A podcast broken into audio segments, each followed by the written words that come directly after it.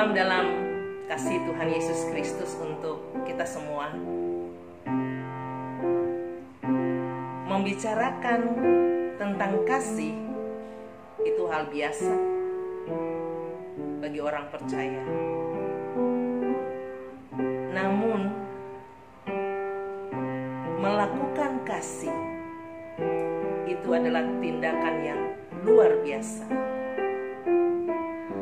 Rasul Paulus menuliskan surat kepada jemaat di Roma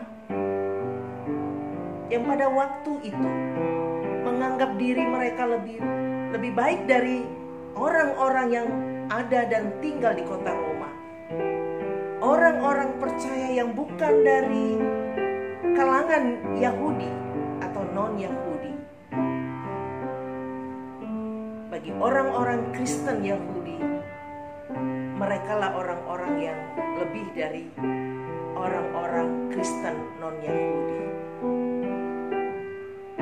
Dengan sangat tegas, Paulus mengungkapkan dalam Roma pasal 12 ayat 9 hingga ayat yang ke-21 suatu kehidupan bersama di dalam kasih itu adalah kehidupan yang tidak mementingkan diri sendiri.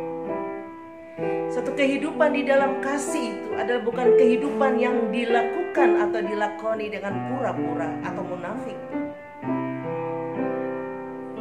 Tapi kasih itu harus dilakukan dalam kehidupan orang-orang Kristen pada waktu itu.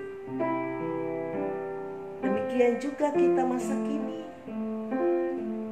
Kasih tidak hanya untuk diomongin.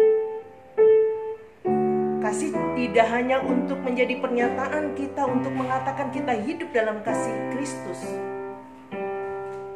Tapi kasih itu akan hidup karena tindakan dan perbuatan kita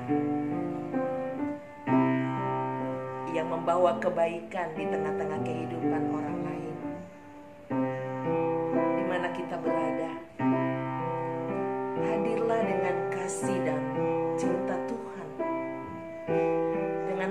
Adanya kita.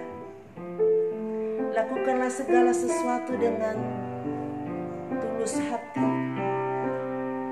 Sehingga kasih itu menjadi tindakan yang luar biasa menjadi berkat bagi banyak orang. Tuhan menolong kita untuk mewujudkan kasih Tuhan. Tuhan menguatkan kita untuk menghidupkan kasih Tuhan.